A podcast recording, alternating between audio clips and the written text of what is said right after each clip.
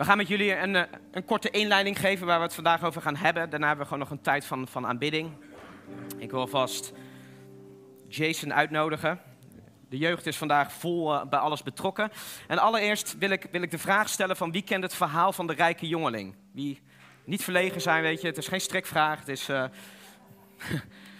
um, wie weet een beetje hoe dat ging? Als we kijken op het volgende plaatje, weet je, een, zoals het volgende plaatje laat zien, een beetje zo'n persoon, Armani, Armani horloge, of als dat überhaupt bestaat, of is een zonnebril, ik weet het niet, of een dure tasjes, dure kleding. En deze man die komt naar Jezus en die zegt als het ware, yo, weet je, wat moet ik doen om gered te worden? Wie weet nog hoe dat verhaal zo ging? Klopt het een beetje of niet? Ja, jullie, helaas, zo ging het niet. maar dat was wel een strikvraag. Maar wat we gaan doen inderdaad, van Jason gaat even het stukje voorlezen en daar, dat stukje gaan we het over hebben.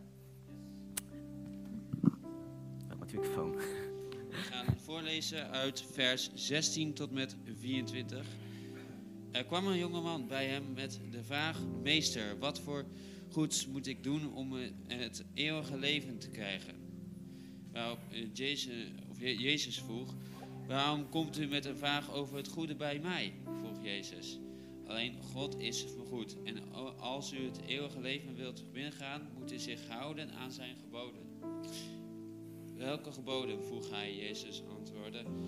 U mag niemand doodstaan. U mag geen overspel plegen. U mag niet stelen. U mag niet anderen niet vals beschuldigen. Het eerbied van uw, voor uw vader en moeder hebt uw naaste net zo lief als uzelf. Dat is, deed me een beetje denken van. Eigenlijk is het gewoon je vijanden net zo lief, lief hebben als dat je jezelf lief hebt. Maar daar, daar heb ik bij mij laten aangehouden. Wat moet ik dan doen, nog doen als meer doen? vroeg de jonge man. Als u volmaakt wilt zijn, ga dan naar uw huis en verkoop alles wat u hebt. En geef het geld aan de armen. En de rijk in zijn in de hemel, kom dan terug om mij te volgen. Toen de jonge man zich dit hoorde, werd hij heel verdrietig en ging weg. Hij was erg rijk. Jezus zei tegen zijn leerlingen: voor een rijk is het bijna onmogelijk om in het koninkrijk van de hemel te komen.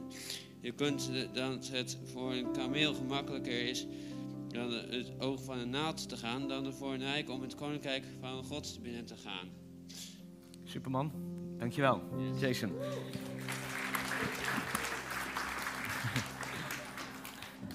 Je ging meteen een beetje spreken. Dat, ik zie wel wat uh, gebeuren daar. Ja. Nice. Om te zeggen dat deze man een verlangen had om Jezus te volgen is een understatement. Deze man rende naar Jezus toe. En in die tijd, tegenwoordig is rennen heel hip, maar in die tijd was het een schande om eigenlijk te rennen. Deze man rende naar Jezus toe en viel voor hem neer. Dus als we de vraag moeten beantwoorden, had deze man een verlangen? Jazeker had hij een verlangen. Jezus wijst hem ook op, op enkele geboden die allemaal gaan over van hoe ga je met je naast om. Deze man had niet alleen een verlangen, deze man was ook eigenlijk gewoon, naar onze standaarden, gewoon echt een goed mens. En er staat dan in de Bijbel, Jezus keek naar hem en hij hield van hem. Dat is de enige plek in het Nieuwe Testament waar we lezen dat Jezus naar een individu keek en er staat, hij hield van hem. Maar Jezus is meer begaan met hoe we finishen dan hoe we starten. En Jezus wist, er is nog iets om mee te breken. En het christelijk geloof is niet altijd in dat opzicht makkelijk. Als we de vraag moeten beantwoorden wie volg jij, lijkt dat heel erg makkelijk. Maar soms ligt dat eigenlijk wel iets complexer. Er was vorige eeuw een beroemd Engelsman. Hij mag, mag op de slide, uh, Jona. En, en die, die man die heette G.K. Chesterton. Misschien kennen sommigen wel. En die had de volgende quote. En die zei: The Christian ideal has not been tried and found wanting. It has been found difficult and left untried. Met andere woorden, het is vaak te moeilijk en dus laten we het gaan. En voor deze man was het, was het zijn bezit. Maar eigenlijk is het een heel raar verhaal. Ik bedoel, moeten we ons voorstellen dat, stel je voor, er komt echt een ontzettend rijk persoon, een bekende Nederlander, komt hier binnen. Bijvoorbeeld John de Mol, noem maar wat. Als hij binnenkomt en hij zit hier op een van deze rijen en Danny is aan het preken. En hoe langer de preek duurt, weet je, hoe meer deze man geraakt wordt. En de tijd tikt weg, 30 minuten, 40 minuten. En Danny doet een, een uitnodiging, 50 minuten. En Danny doet een uitnodiging. En deze man die rent naar voren en wil zijn leven aan Jezus geven. En Danny praat met hem. En wat gebeurt er? In plaats van dat hij zijn leven aan Jezus geeft, loopt hij weg. Nou, stel je nou voor dat je de penningmeester bent van deze gemeente. En, en ik weet, het is misschien niet een hele christelijke manier om te denken, maar gewoon even als mensen onder elkaar. Ondertussen, de penning, je bent de penningmeester en je zoekt op wat zal deze man ongeveer verdienen. En je denkt, wat moeten we allemaal nog doen in de kerk? Welke dromen, plannen, visies hebben we? Je denkt van, al zou deze man 1% geven van zijn inkomen, dat is best lekker. Wat voor gesprek zouden de penningmeester en Danny de dag daarna hebben? Zo van, wat is hier gebeurd? Maar laten we eerlijk zijn, dat zouden we waarschijnlijk allemaal hebben. En wat we zo dadelijk gaan doen, we gaan naar een filmpje kijken. En uh, trouwens voor mensen op de stream vanwege copyright uh, staat het, kan het niet worden laten, uh, kunnen we het niet laten zien. Dus ja, dan had je hier moeten zijn. Um, ja. Um, ja, kan er niks anders van maken. Um, maar belangrijk bij dit filmpje is, is van, want het is, het is een beetje een raar filmpje. Maar de context van het filmpje is een hele belangrijke. Als je de Bijbel leest en je kijkt aan het begin van de Bijbel en aan het einde van de Bijbel. En het begin van de Bijbel dat begint met een huwelijk en het einde van, van de Bijbel eindigt met een huwelijk. Waarin Jezus zegt van, ik ben de bruidegom en jullie zijn de bruid. En met dat eigenlijk in gedachten laten we eens kijken naar het volgende filmpje. Dit filmpje dat speelden we af tijdens jeugdweekend. En we stelden een vraag die ik ook hier ga stellen. Ik zou wel adviseren voor ben je getrouwd van misschien niet te snel de vraag beantwoorden. Maar de vraag is namelijk, wie van jullie zou getrouwd willen zijn met zo'n iemand? Nou, kom op. Kom op, ze heeft best een leuk, leuk karakter, toch? Wie? Weet je, allemaal leuke exotische tripjes naar de Malediven en dat soort dingen. De reden dat werkelijk waar niemand zijn hand opsteekt, is van ook al besteedt ze 98% van haar tijd aan hem. Houdt ze meer van hem dan al haar andere vriendjes? Het probleem is, ze had nog steeds oude vriendjes. Nu de vraag voor ons, in de context van dat Jezus de bruidegom is die terugkomt voor ons, zijn bruid. Waarom zou Jezus terugkomen voor een kerk als de kerk zich gedraagt zoals Angela in dit filmpje? Als je dat echt denkt, dan ben je net zo misleid als dat zij misleid is. Jezus komt namelijk terug voor een, voor een bruid, voor een kerk, voor volgelingen van Hem, die zich net zo hebben overgegeven voor Hem, zoals Jezus zich heeft overgegeven voor ons. En laten we het even hebben over het filmpje. Eigenlijk is het filmpje gewoon heel, heel raar. De enige manier waarop dit ooit zou kunnen gebeuren, zo'n rare situatie, is dat nooit iemand Angela heeft verteld van om in een huwelijksverbond eigenlijk te treden, om dat binnen te gaan, de enige manier is om je oude vriendjes achter je te laten. Op het moment dat een, een vrouw door het gangpad naar voren loopt, dan, heeft ze eigenlijk, dan maakt ze eigenlijk een ontzettend sterk statement. Namelijk, ze zegt vanaf dat moment ben ik niet meer aanwezig voor de bijna 4 miljard mannen die hier op aarde rondlopen. Ik ben er maar voor één. Dat is het statement. Het probleem was, ze had oude vriendjes. En als we bijvoorbeeld gaan kijken in, in de Bijbel, in de Korinthebrief, dan zegt Paulus eigenlijk naar de Korinthebrief van, van jullie, zijn, jullie zijn zwak en, en er gaan allerlei dingen niet goed. En wat was het probleem? Ze had nog, of de kerk, ze hadden nog eigenlijk oude vriendjes. Hij mag, de mag op 2 Korinthe 12. En er staat in het Nederlands, zegt Paulus, ik ben bang dat als ik weer kom, God mij in jullie ogen zal vernederen. En dat ik verdrietig zal zijn over een heel aantal van jullie. Dat zij wel in Jezus zijn gaan geloven, maar nog steeds niet zijn gestopt met het doen van verkeerde dingen. Bijvoorbeeld verkeerde dingen op het gebied van seks en andere dingen die God niet wil. Dit klinkt nog wat algemeen. In het Engels staat het wat sterker. Many of you have not given up your old sins. You have not repented of your impurity, sexual immorality and eagerness for lustful pleasures. Wat was het probleem? Ze hadden hun oude vriendjes nog niet achtergelaten. Het woord repented, bekeren, staat eigenlijk uh, in hoofdletters. En het is een term die, als we dat horen, ik kan me voorstellen dat een heel aantal van jullie toch niet heel comfortabel ervan wordt. Want misschien is het ooit gebruikt als een soort dwangmiddel om te veranderen. Ben je jonger, de hele cultuur om ons heen, om ons heen schreeuwt van hey, je, je, je mag gewoon authentiek zijn, je mag zijn zoals je, zoals je bent en je hoeft eigenlijk niet te veranderen. Ja, dan is bekering natuurlijk geen optie. Maar bekering is een cadeau van God. En een cadeau van God is uiteraard alleen maar positief. Bekeren is ook heel belangrijk. Als we kijken naar het leven van Jezus, overal waar hij ging spreken, begon hij met bekeer je. De discipelen gingen uit en gingen het woord verkondigen overal. En wat moesten ze overbrengen? Bekeer je. Handelingen 2, toen, toen God zo bijzonder aanwezig was en een hele stad op zijn kop stond. Wat waren Petrus' woorden? Bekeer je. De waarheid is, je kan geen echt geloof hebben zonder bekering. De hebendige formules. En je hebt nooit geleerd om de basisbeginselen op de basisschool uh, te oefenen, te leren, zoals schrijven, rekenen en lezen. Dan heb je een ontzettend probleem op de middelbare school. Dit is het ding met basisbeginselen. En we gaan zo dadelijk een tijd hebben waar we gewoon ook God gaan groot maken. Maar ik wil eigenlijk voor dit eerste blokje dat jullie eigenlijk over het volgende nadenken. Jezus is onzichtbaar. We kunnen hem maken eigenlijk zoals hij is. De vraag is eigenlijk voor nu, wie is Jezus voor jou? Is hij je redder, je heer? Of misschien meer gewoon je vriend? Of is hij je persoonlijke, goddelijke klusjesman die af en toe even moet komen opdragen, draven? Degene die, uh, de vervuller van al je dromen? Wie is Jezus voor jou? Waar staat Jezus eigenlijk, de naam Jezus, in het fundament van wie je bent als volgeling van Jezus? En dat is waar we ook gewoon met elkaar over gaan zingen. Dus ik zou willen vragen of jullie gaan staan. En laten we God groot maken ook op dit moment.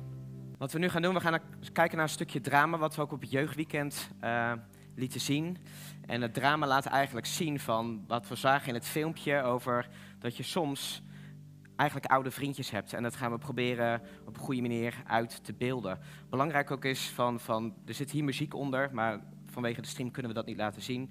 Maakte trouwens net een opmerking, een grapje, want een beetje in de trend van het jeugdweekend. Het was misschien niet zo, zo handig, want ik besefte even ook gewoon niet in alle eerlijkheid dat ik dacht van ja, er zijn ook heel veel mensen die gewoon niet kunnen komen. Dus dat was uiteraard niet mijn intentie geweest. Als je een grap maakt die niet helemaal goed uitpakt, dan moet je ook lef hebben om te zeggen van het was niet helemaal handig.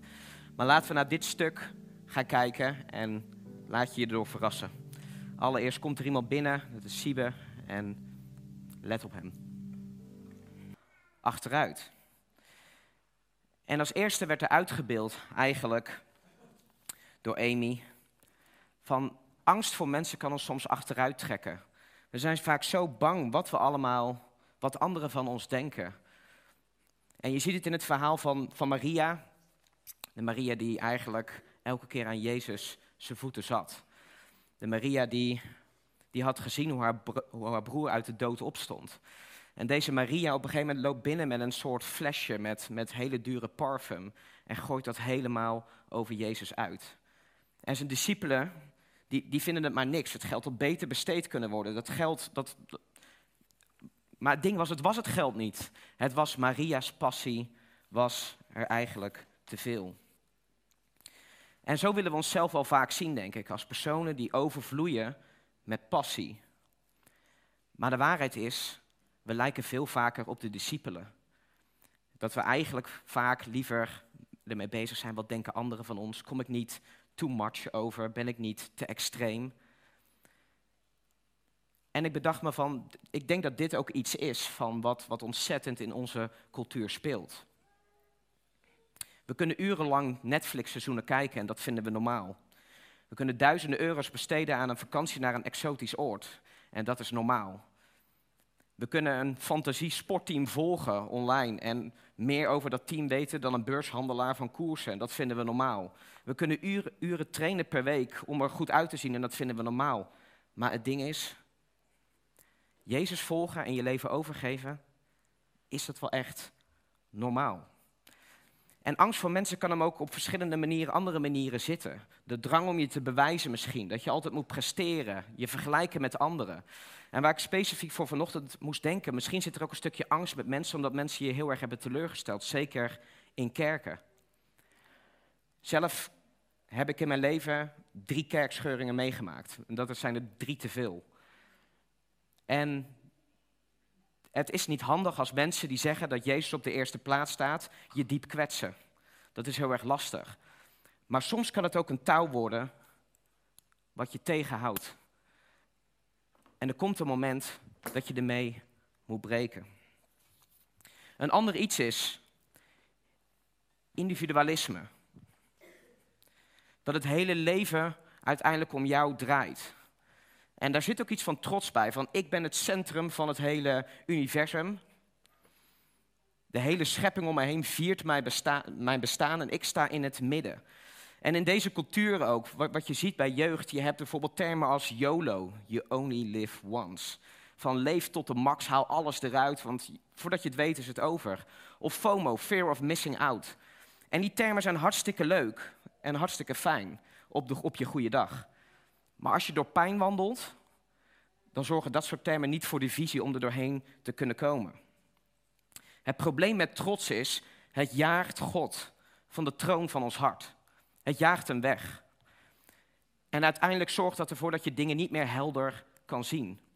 Het is als het ware dat je door mist kijkt en je ziet niet wat er gebeurt. Je ziet, je, je ziet God niet in het goede perspectief en je ziet je medemens niet in het goede perspectief. Een ander voorbeeld, misschien lijkt het dan alsof je door een soort sleutelgat kijkt naar wat God allemaal mogelijk heeft gemaakt voor ons. In plaats van dat God zegt, open de deur en dan zie je, zie je mijn glorie, dan zie je mijn grootheid. Dan zie je wat ik voor je heb gedaan en door je heen wil doen. Individualisme is ontzettend sterk en onze hele cultuur voedt het. Als dit een touw is wat je vasthoudt, als dit een touw is dat je vasthoudt, dan zie je God meer als een soort toevoeging aan je leven in plaats van dat Hij je leven is.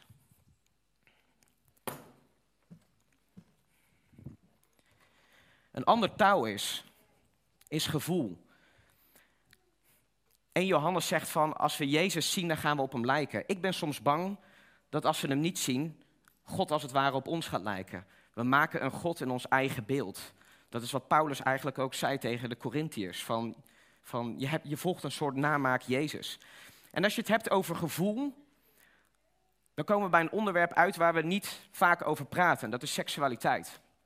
En waarom praten we er niet vaak over? Omdat we denken van, ik, ik mag toch zelf doen en laten wat ik wil. Alleen zoals God ons heeft gemaakt. Hij is de schepper van ons. Hij weet wat ons maakt. Hij weet wat ons breekt. Zo is God ook de schepper van seksualiteit. Hij weet hoe krachtig het is, maar hij weet dus ook, zoals met alle hele krachtige dingen, als je het niet goed gebruikt, zorgt het voor heel veel schade. Siebe zit eraan vast. Hij zit vast. En soms met zo'n onderwerp helpt het om eens even uit te zoomen naar het plaatje wat God heeft bedoeld. Laten we eens naar een eerlijke vraag kijken van hoe zou deze hele wereld eruit zien als we ons zouden houden aan het kader wat God heeft gegeven. Bijvoorbeeld, in, in andere landen, voor de prijs waar wij een cappuccino verkopen, voor minder dan dat worden meisjes worden verkocht en komen in sekstrafficking terecht. Of hoe zit het met, met kinderen die, die s'nachts aan het huilen zijn, omdat hun ouders niet meer bij elkaar zijn? En het lastige is als je hierover over spreekt, is dat als je hier zit en je bent gescheiden, dat je heel snel veroordeling voelt. En dat is absoluut niet de intentie waarmee we hier staan. We kunnen niet achter je voordeur kijken, we weten niet wat er is gebeurd. En er is niemand die als hij twintig is zegt van, ik wil graag 15 jaar getrouwd zijn en dan een pijnlijke scheiding meemaken. Dat is gewoon niet zoals het werkt. Dus we willen, willen zeker naast je staan. Aan de andere kant is het ook eerlijk om te kijken wat God zegt van dit is het kader. En ook al zijn er soms dingen niet goed gegaan, het is nog wel eerlijk om te praten wat de gevolgen zijn van als er ergens niet iets goed gaat op het gebied van seksualiteit. Ander gevolg is misschien wel als we het hebben over abortus. De gevolgen wegnemen van, van, van, van iets wat. Jullie snappen wat ik bedoel. Dit is niet zoals God het heeft bedoeld. Seksueel overdraagbare ziektes. Hoeveel er zouden bestaan precies nul. Op het moment dat we ons zouden houden aan Gods standaard. En we lazen net een tekst uit, uit 2 Korinthe, waar het woord seksuele immoraliteit in het Nederlands dan werd gebruikt. En in het Grieks wordt daar het woord porneia voor gebruikt. En porneia betekent eigenlijk iets in de trant van dat God zegt van, hey, laat je hier niet mee in. En porneia is eigenlijk van alle seks buiten de context van het huwelijk tussen een man en een vrouw. Daarvan zegt het Nieuwe Testament 26 keer, hou je er weg van. Blijf erbij vandaan. En het is een beetje, dit plaatje staat er niet voor niks. Het is een beetje alsof God zegt van kijk, daar is een huis. Maar onder geen voorwaarden, absoluut geen enkele voorwaarde, ga niet het dak op. Ga niet het dak op. Dat is wat het woord pornea betekent. Van je mag het huis binnen, maar ga niet het dak op. En dan stellen wij de vraag bijvoorbeeld, mag je seks hebben voor het huwelijk? Dat staat niet in de Bijbel. Maar, maar God zegt van, nee, ga onder geen voorwaarden het dak op. Ga onder geen voorwaarden het dak op. En wij zeggen, ja, God, waarom mag ik niet van het dak afspringen? Het staat niet in de Bijbel. Uh, maar, maar, God zegt, nee, mijn, mijn kader zit verder voor. Ga er niet op. Ga er niet op. En misschien heeft het ook wat te maken, bijvoorbeeld een onderwerp als dit. Ik weet, ik stip echt maar een paar dingen aan. Maar het is goed om hier gewoon eerlijk over te praten. De manier waarop we daten en de, hoe de cultuur het promoot, is, is best raar. Wat, wat doen we namelijk? We introduceren meteen seks op het moment dat een relatie begint. Alleen seks zorgt voor een bepaalde binding. Je hersenen maken stofjes aan en dergelijke. En dat is waarom het gebeurt dat als een jongen bijvoorbeeld eerst twijfelt van, nou, wordt dit wel wat? Hij twee weken later, nadat ze seks hebben gehad, opeens zegt van, ik denk dat we moeten trouwen. Dat, dat is wat er gebeurt. En het punt is, als je aan het daten bent, dan kijk je van, is dit een persoon die bij mij past, waarmee ik heel mijn leven wil samen zijn? En seks zorgt ervoor dat, de Bijbel zegt eigenlijk, het zorgt ervoor dat je dronken wordt in je hoofd. Nou, er is één ding wat wij niet doen. Stel je voor, iemand moet een hele belangrijke beslissing nemen.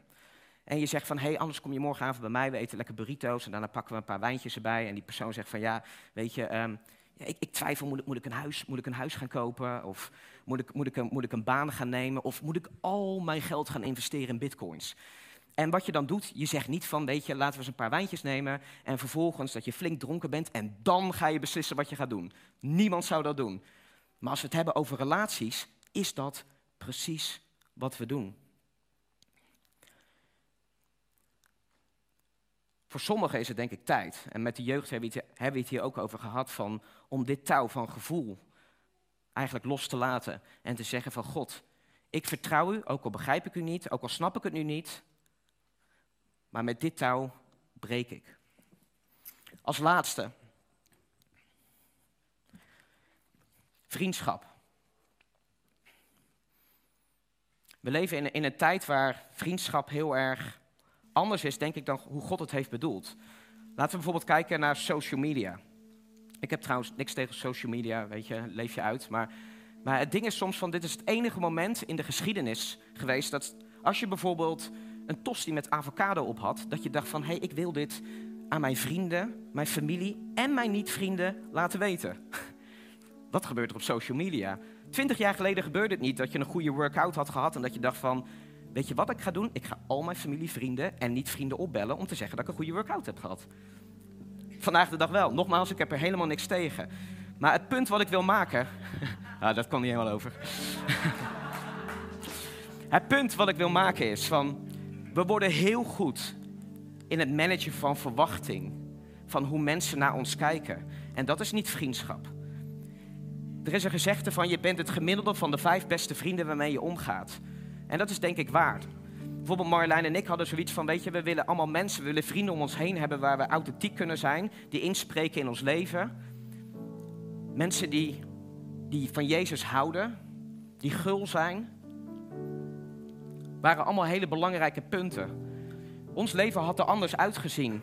Als we vrienden hadden gehad die hele dag aan het gamen waren, weet ik wat niet, allemaal aan het roken waren, hele dag dronken waren. Ons leven had er anders uitgezien. En het is niet voor niks dat de Bijbel zegt van dat slechte vrienden eigenlijk krachtiger zijn dan een goed karakter hebben. Je kan nog zo'n goed karakter hebben, maar als je omgaat met de verkeerde mensen, heb je een probleem. En voor sommigen is het gewoon belangrijk, denk ik, om te beseffen van met wie ga je om? Welke personen hebben input in je leven? En om met al die touwen te breken, moet Siebe één ding doen. Eén belangrijk ding. Ermee breken. Maar vervolgens kijkt hij als het ware op. En is het belangrijk dat hij kijkt, eigenlijk van Jezus, waar bent u? Want je kan er wel mee breken. Maar het belangrijkste is eigenlijk om erna naar Jezus te kijken. Wat we op het jeugdweekend deden, is dat we zeiden van, om Jezus te volgen, is het tijd om soms te breken met oude vriendjes. En ik wil eigenlijk vanochtend de uitnodiging neerleggen. We, we zingen zo dadelijk een, een nummer wat gaat over overgave. Ik geloof dat hier mensen zitten die denken van, van oh, misschien als ik dit hoor, heb ik misschien wel oude vriendjes. Jullie snappen hopelijk de metafoor, anders wordt het heel raar. Jullie, jullie hebben oude vrienden, ik heb oude vriendjes in mijn leven waarmee ik moet afrekenen. Er zijn bepaalde dingen waarvan God je heeft overtuigd van, het is het moment om te zeggen van, tot hier en niet verder. En die prullenbak staat er niet voor niks. En er liggen voor liggen pen en papier met blaadjes. En als er iets is dat je zegt van, van ik wil hiermee breken, loop naar voren, schrijf het op een papiertje en stop het in de prullenbak. En ik ga niet stiekem achteraf lezen wat het was. Weet je, dit is iets tussen jou en God. Zeg je van, ik wil gebed hebben daarna? Helemaal prima, we staan hier voor je klaar. Maar allereerst, ik geloof dat God tegen, tegen sommigen heel specifiek spreekt van, van... Kijk niet meer langer door deurgat om te kijken wat mogelijk is, maar open de deur.